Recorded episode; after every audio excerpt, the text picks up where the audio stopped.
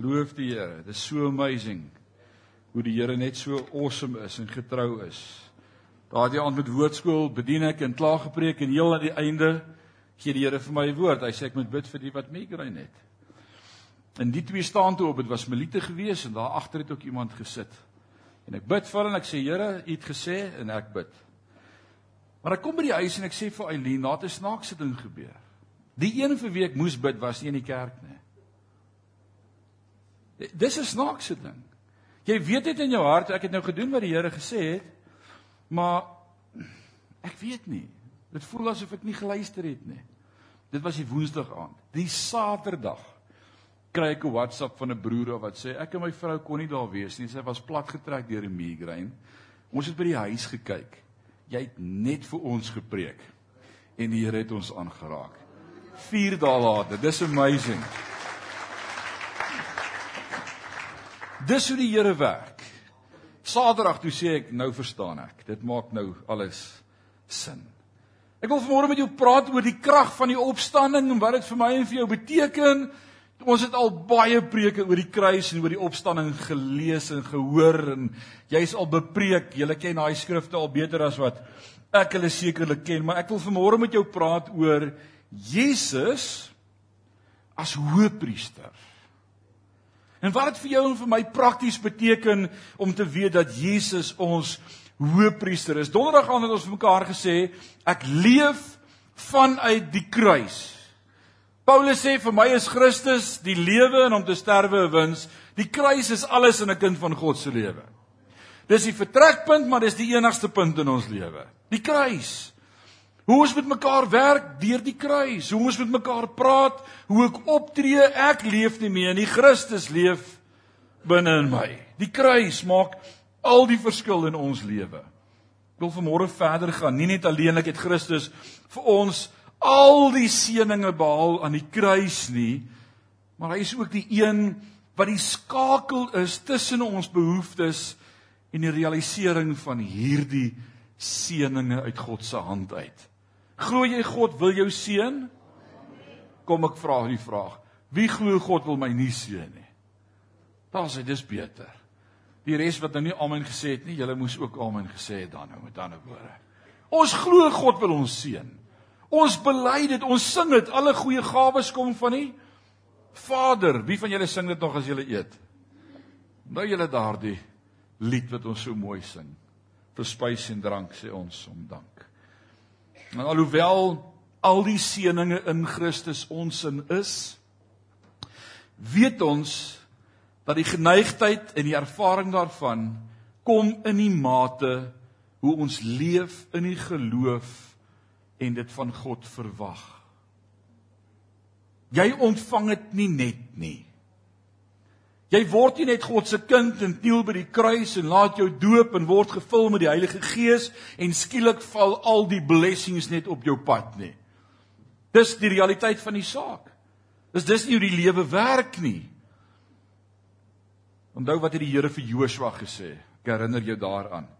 Toe hulle in die beloofde land kom, God het hulle die land beloof en hy gee vir die land en na 40 jaar in die wildernis uiteindelik kom hulle in die beloofde land aan. God het die belofte vir hulle gegee, dis hulle sin. Maar dan wat sê hy vir hulle as in die beloofde land kom? Nou moet jy veg vir hierdie land. En elke plek waar jy jou voet neersit, dit sal die Here vir jou 'n oorwinning gee. So hulle grondgebied was net so groot as waarvoor hulle God vertrou het. En jou blessings en dit wat jy uit die hand van die Here ontvang, gaan net so groot wees as hoe ver jy God daarvoor vertrou. Jy kan nie net op jou laure sit en sê ek is nou 'n kind van die Here en ek gaan hemel toe en nou wag ek dan maar vir die blessings nie. Ek weet nie wanneer kom hulle nie. Ek gaan nou maar net hier sit en wag onder die boom totdat die Here die blessings vir my stuur nie. Nee. Dit maak die verskil tussen kinders van die Here.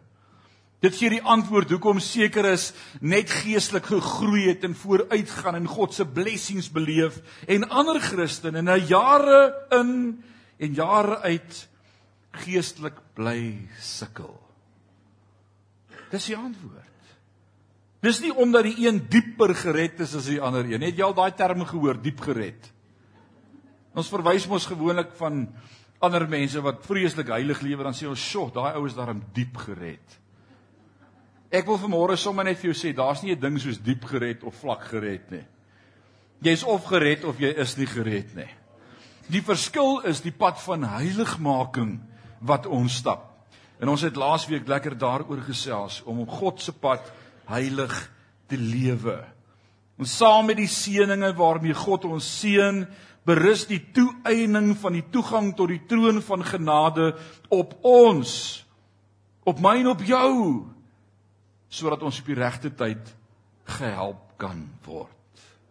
Dit bring ons by 'n verdere seën wat Christus se dood en opstanding vir die gelowige gebring het, naamlik Christus as ons hoëpriester. En ek wil hê jy moet saam met my lees as jy jou Bybel hier het, maak saam met my oop by Hebreërs en hou ons sommer daar by hoofstuk 3.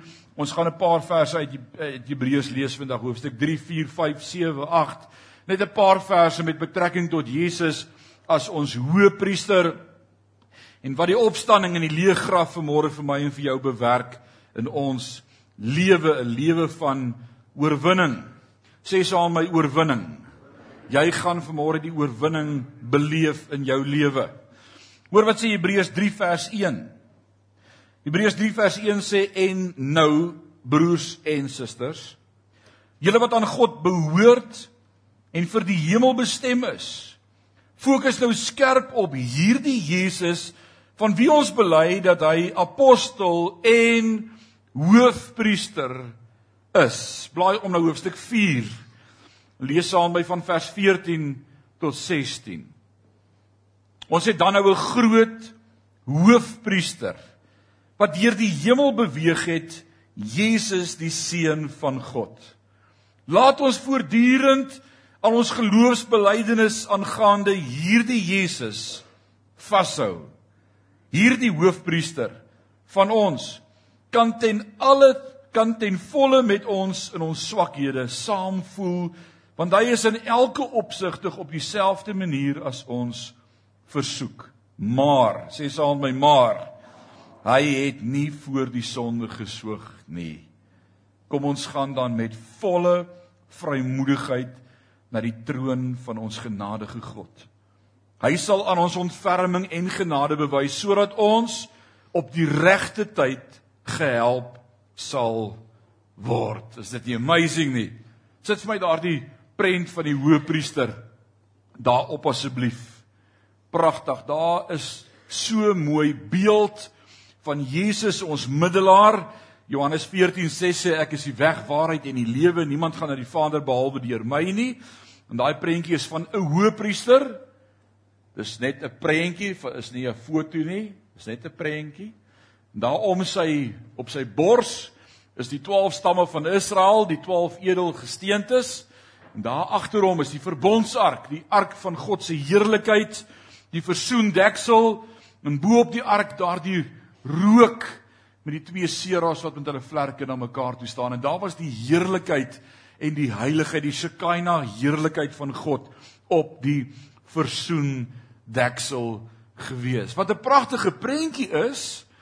En vanmôre het almal van julle op julle WhatsApp status en rondgestuur, die graf is leeg en jy dalk 'n foto gesien van daardie leë graf, die steen is weggerol en daardie klipbank waarop Jesus se liggaam neergelê was. Dit was my voorreg om al twee keer in Israel daar by daardie oop graf te wees wat nie letterlik die graf seker was van Jesus nie. In Israel verkoop hulle vir jou enigiets vir 10 dollar as die regte een. Dis net 'n voorbeeld, 'n prentjie van hoe dit sou lyk dat ons kan verstaan. En dan sien jy daardie klipbank en dan sê die woord die doeke was opgerol gewees, opgevou. Man, die graf is leeg. Nou kan julle onthou wat Petrus gesien het daardie oggend toe hy in die graf ingaan? Hoeveel engele was daar gewees? Twee engele, een by die kop en een by die voete. En dan's daai graf leeg waar Jesus gelê het, maar wat sou daar oorgebly het op daardie sementslab op daai uitgekapte granietblad? Die bloed van ons verlosser en koning. En kyk daai prentjie van die versoendeksel. Twee engele weerskante en op daardie versoendeksel sou die hoëpriester een keer 'n jaar as hy ingaan om te offer met Jom Kippur die bloed van die offer gespat het. 'n Prentjie van dit wat gaan gebeur wanneer Jesus vir my en vir jou sterf.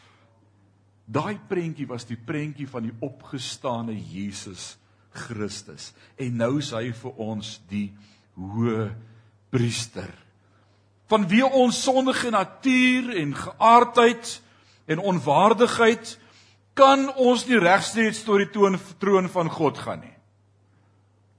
Ek en jy, dit ontbreek ons. Sonde ontbreek ons aan God se heerlikheid, sê die woord. En ons kan nie direk na God toe gaan nie. Daarom vind ons in die Ou Testament dat daar 'n hoëpriester moes wees wat ten behoore van die volk en die mens by God moes intree en offers bring. Een keer 'n jaar het die hoëpriester ingegaan deur die heilige onder die wat er al gehang voorhangsel deur. Hoe dik was daai voorhangsel? 6 duim dik. 150 mm gewefte voorhangsel. En dan as hy deur beweeg het, dan het hy vir die volk verzoening gaan doen vir ons sondes. Wat beteken verzoening doen? Hy het gaan uitstel vra vir nog 'n jaar. Want die wet het bepaal die siel wat sondig, die siel moet sterf. Nou bring hy 'n offer en al wat daai offer gedoen het elke jaar met Yom Kippur, is ons het uitstel gevra vir nog 'n jaar. Moenie nou met ons afreken nie, dan sterf ons almal. Gee ons net nog 'n jaar uitstel. Hoekom nog 'n jaar uitstel? want dalk kom die Messias in hierdie jaar en dan kan hy vir ons sondes betaal aan die kruis. En daarom voordat die hoëpriester daardie Paasnaweek in Jerusalem in die allerheiligste kon inbeweeg om weer te gaan uitstel vra vir die sondes van die volk gebeur daar 'n vreeslike ding binne in die tempel. Toe Jesus sterf aan die kruis en sy asem uitblaas en roep dit te les daai sê die woord toe skeur daardie voorhangsel van bo na onder en daar sit die hoëpriester sonder 'n job is die eerste afbetaalde priester in die Bybel in een oomblik verloor hy sy werk dis nie meer nodig om uitstel te vra vir sonde nie die Messias het gekom. Man, this amazing as jy dit verstaan. Nie net is hy die Messias wat betaal het met sy bloed nie. Die woord van die Here leer met die Hebreërskrywer sê hy is nou ons hoëpriester. Nou hoekom kort ek en jy 'n hoëpriester? Ons is mos nie meer onder die bedeling van die Ou Testament en van die wet nie. Ons is nie meer Jode nie. God se voorhangsel het geskeur. Hy woon nou onder ons en in ons. Hoekom het ek en jy dan 'n hoëpriester nodig? Hoor wat sê Hebreërs 5 vers 1, net die volgende hoofstuk. 'n Hoofpriester is iemand wat uit die mense geneem en vir die mense aangewys word om priesterdiens voor God te verrig. Hy lê die mense se gawes voor God en bring ook offers vir hulle sondes. Dis wat Jesus vir my en vir jou doen by die Vader. Hy tree vir ons in by die Vader. Hy was die verteenwoordiger van die volk by God gewees. Hy moes uit 'n bepaalde stam afkomstig gewees het aan sekere vereistes voldoen het en namens die volk op bepaalde tye offers gebring het. En wanneer ons die skrywe aan die Hebreërs lees, vind ons dat daar twee stelsels was, twee stelsels was, naamlik die ou orde van Levi en die nuwe orde van Melchisedek. Nou sê Hebreërs 7 dat as daar volkomendheid was deur die Levitiese orde, sou daar nie plek gewees het vir 'n nuwe orde nie. Maar omdat die ou orde van Levi ontbreek het en gebrekkig was en nie volmaak was nie en daar sonde was, het God 'n beter offer gestuur. Hebreërs 8 vers 6 sê maar nou het Jesus Christus 'n bediening verkry wat net soveel uitnemender is as wat hy middelaar is van 'n voortreffeliker verbond 'n verbond wat voortreffeliker is omdat dit op voortreffliker beloftes berus. Wie kan sê amen? Daar's beter beloftes nou dat Jesus ons hoërpriester is. In die ou orde was die priester onvolmaak. Die offer was onvolmaak. En gevolglik was die saligheid net uitstel vir 'n jaar en nie afstel nie. En nou sê die skrywer omdat Christus volgens die orde van Melchisedek 'n ewige priester is, leef hy vir altyd om in te kan tree vir ons. Wat doen Jesus nou vir my? Hy tree vir ons in. Ou Barry, hy tree vir ons in by die Vader. Hy sê voordat jy nog kan bid of dink of vra weet hy reeds wat ons nodig het. Jesus like. Hoe baie keer was jy in 'n situasie wat jy gesê het as ek net vir iemand kan vra om saam met my te bid. Jy het dit al beleef? As jy 'n stryd het en jy gaan deur 'n krisis, dat jy behoefte het dat iemand saam met jou bid, weet jy Jesus bid altyd vir jou. Jy kan nie 'n beter intercessor kry om te bid as Jesus nie. Hy sluimer nie, hy slaap nie, hy's wakker oor sy beloftes aangaande ons. Hy is ons voorspraak by die Vader. Inteendeel, hy het met sy eie bloed betaal. Dis amazing, dis wie hy is. En daarom kan hy volkome red die wat tot hom gaan. Verder omdat hy nie met die bloed van bokke en kalwers ingegaan het nie, maar met sy eie bloed het hy 'n ewige verlossing teweeg gebring. Dis die beter verbond. Dis nie net uitstel vir nog 'n jaar nie. Dis vir altyd onder die bloed van Christus. Die hoëpriester leef vir ewig. Sy offer is volmaak en daarom kan hy volkome red. Dis wat die leë graf vanmôre vir my en vir jou beteken. Christus is nou ons hoër priester om werklik hoëpriester of middelaar te wees, moes hy 100% mens wees. Want hy tree op ten behoewe van die mens. En hy moes ook 100% God wees omdat hy by God moes intree en voorspraak doen vir ons. En hier sit 'n maletjie vir sommige om te verstaan. Paulus vat dit pragtig saam wanneer hy in 1 Timoteus 2 vers 5 sê, want daar is een God en een middelaar tussen God en die mense, die mens Christus Jesus. Dis wie hy is. Christus verwys na sy godheid en Jesus na sy mensheid. Johannes 1 vers 1 leer dit vir ons in die begin was die woord en die woord was by God en die woord was God. En dan sê hy later hier by vers 12 13 hy sê en die woord het vlees geword en onder ons kom woon. Hy het vlees geword. Daarom sê Hebreërs 4 vers 15 dat ons 'n hoëpriester het wat met ons swakhede medelee het en in elke opsig versoek was net soos ons. Soms het ek die gedagte gehad dat dit vir God maklik was aan die kruis vir Jesus as God. Want hy was God. En vir God is dinge makliker as vir ons as mense, is dit nie so nie. Dis ons verstaan daarvan. En omdat hy God was, kon hy dit regkry om aan die kruis uit te hou en te sterf en sy lewe te gee. Hy was afterall God gewees. Maar die woord leer my hy was 100% mens. Kom ons kyk wat sê Paulus in die gemeente in Filippi in Filippense 2 vers 5 tot 8. Ek wil dit vir jou lees en 'n paar waarhede hier uithaal vanmôre. Filippense 2 vers 5 tot 8 sê: "Julle gesindheid moet soos Jesus Christus in wees. Alhoewel hy self God was, het hy nie vasgehou aan die goddelikheid wat hom toekom nie, maar hy het dit prys gegee. Sê prys gegee. Laat vaar. Hy het 'n slaaf geword en aan mense gelyk geword.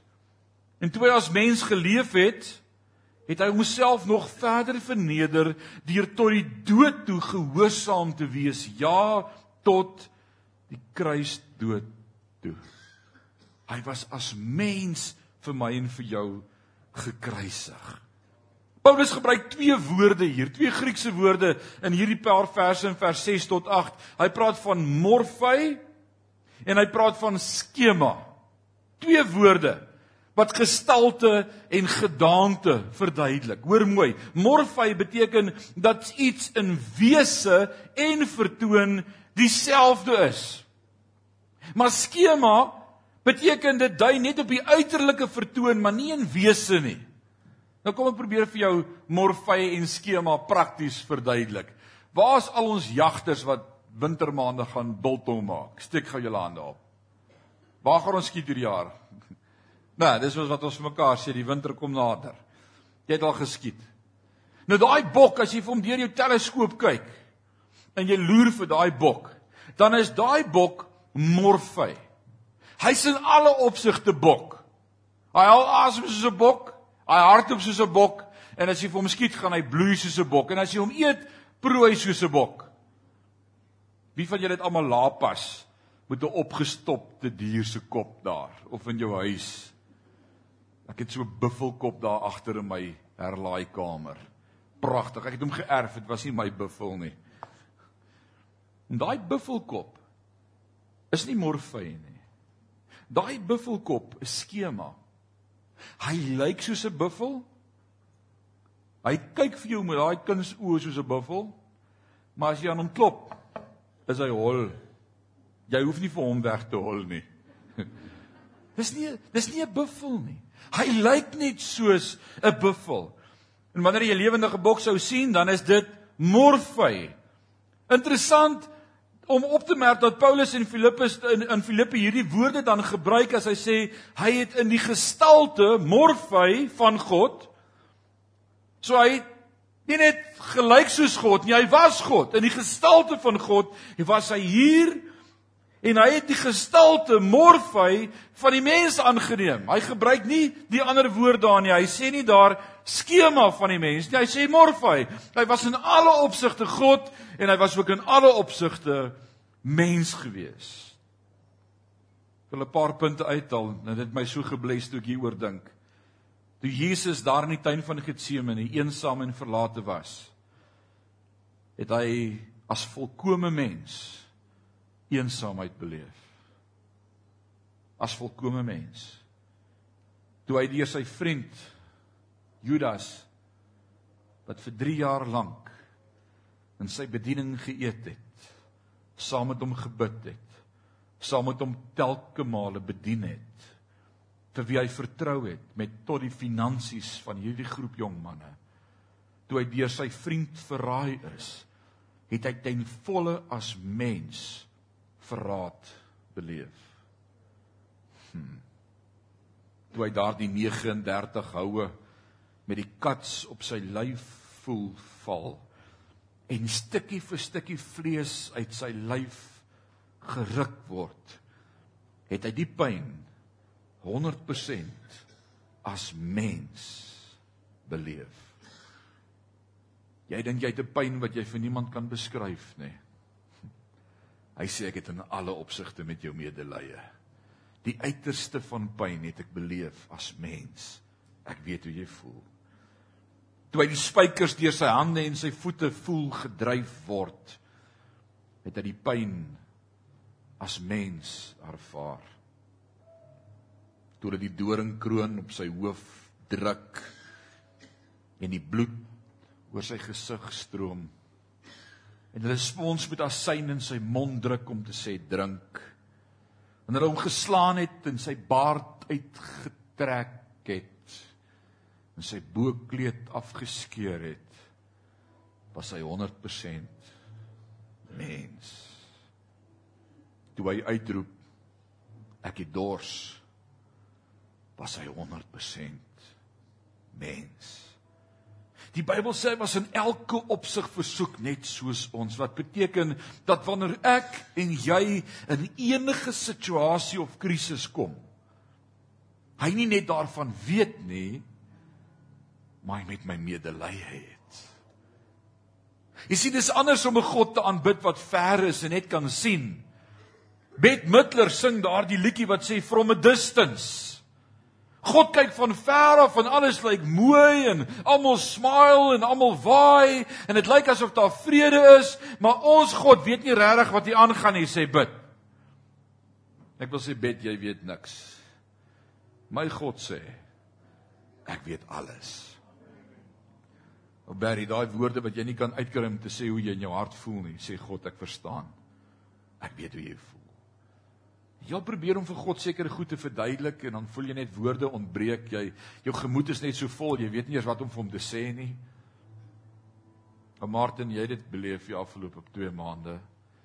Hoe jou weer jou woorde ontbreek om vir God te sê wat hy moet doen. Jy jy's te dom om 'n mens te wees, sê die woord. Kom ons, hoe vertel jy vir die Here wat moet hy doen? Hoe, hoe begin jy om vir God te vertel wat jy dink jy nodig het? En dan sê die woord voordat jy vra, weet ek reeds.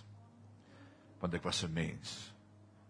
Maar hy's nie 'n mens wat net gesterf het en is 'n storie daar diep in die verlede nie. Nee, hy het opgestaan, die graf is leeg en dit maak die verskil vir my en vir jou om te weet. Ons het nou 'n voorspraak by die Vader.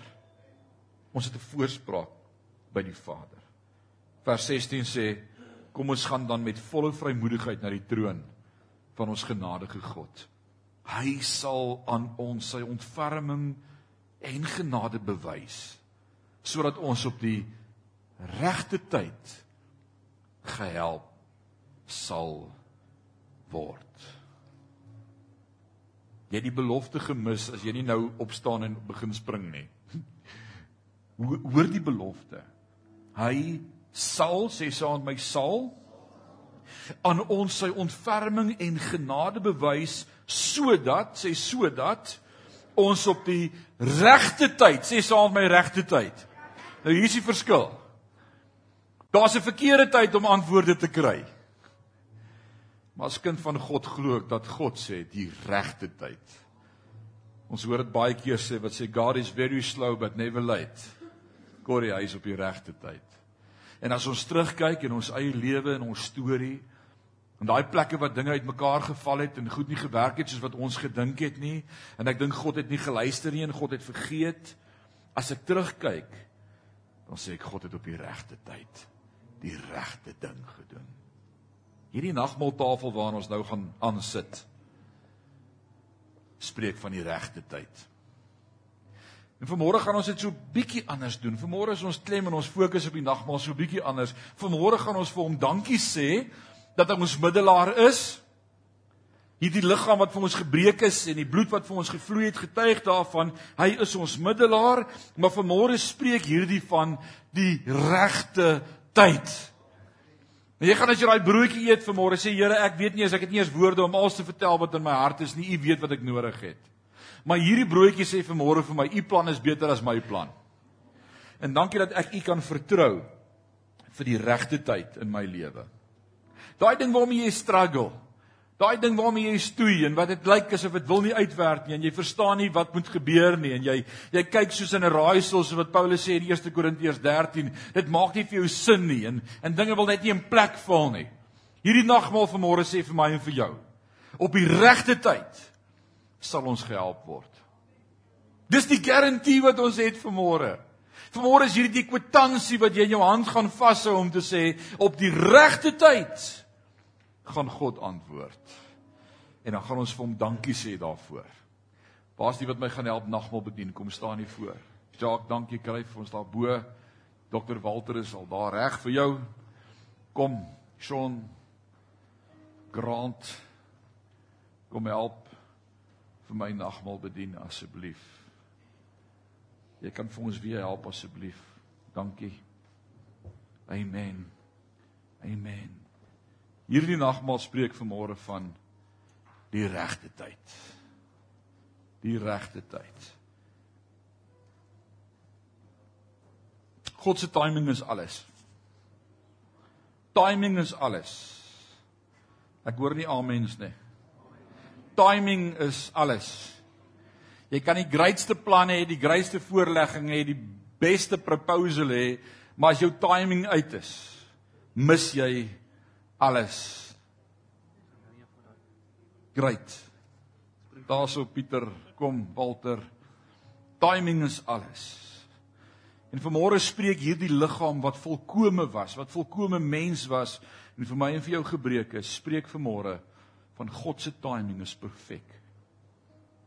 Imagine die voorhangsel het eers die sonoggend geskeur toe Jesus opstaan.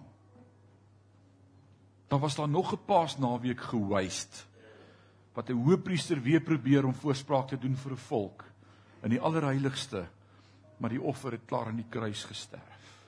Sy timing is perfek. Altyd. En vanmôre deur hierdie broodjie te vat en hierdie kelkie te drink, sê jy vanmôre in jou lewe, God se timing is perfek.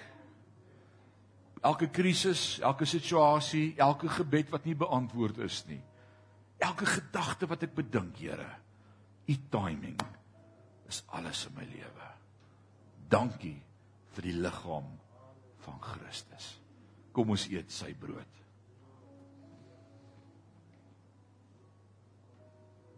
Hmm.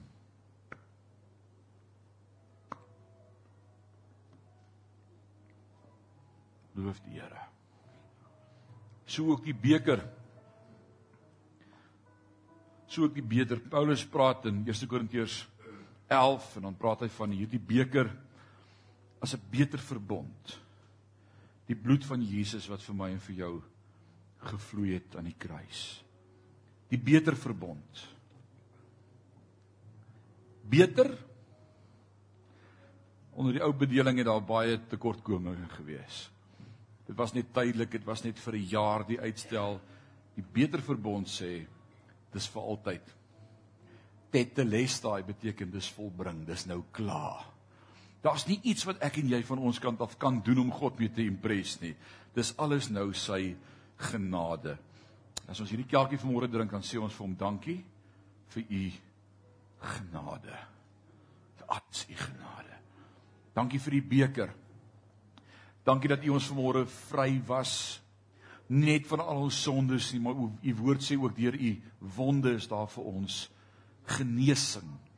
En ek wil vanmôre bid Here, soos wat daai perfekte timing, wil ek vanmôre bid dat daai perfekte genesing op die regte tyd gaan kom. Ons bly U vertrou daarvoor. Ons bly bid daarvoor en dalk is vandag die dag. Ons het geloof in ons harte dat U ook daardie siekte gaan genees in Jesus naam. En ons sê vir U dankie daarvoor. Net 'n oomblik kom ons word rustig en ons gaan net vanmôre sê Here, U is ons God. U is ons hoop, U is ons anker, ons vertroue is in U. Ons bely vanmôre ons geloof is in U, Here. En ons kan nie die onmoontlike doen nie, maar U woord sê U doen die onmoontlike. En daarom vertrou ons vanmôre vir U opnuut ook met al ons sorges en al ons krisisse en ek wil vanmôre bid dat U by elkeen sal stil staan wie se naam ons genoem het en ook die wat se name nie genoem is nie Here U weet. U woord sê voordat ons bid of vra weet U reeds. En ek wil vanmôre bid in die naam van Jesus in die geloof in Christus ons verlosser en ons saligmaker ook ons geneesheer dat U sal antwoord soos wat net U kan. Ons vertrou u timing is perfek. En ons bely vanmôre daar's baie goed wat ons nie verstaan nie. En ons kan nie hand in beweging bring en maak dat u werk nie. Maar u woord sê ons moet net vertrou soos kinders. En ons kom vanmôre soos kinders na u toe en ons sê Abba Vader. Abba Vader, net u kan. En ons vertrou is in u en ek wil vanmôre 'n woord van genesing spreek in die naam van Jesus Christus. En ek wil bid Here dat die getuienis sal inkom om te sê ons God is 'n awesome God. En hy doen steeds wonders en tekens. Ons eer U daarvoor. Ek wil bid vir die wat begeertes het in hulle harte, Here versoeke, onuitgesproke versoeke, groot krisisse wat ons in die gesig staar en nie weet hoe ons daar gaan uitkom nie. Ons God doen die onmoontlike. En ek wil bid Here dat U in een oomblik ook vir hulle wonderwerk sal gebeur en die antwoord sal kom op die regte tyd en ons eer U daarvoor. In Jesus naam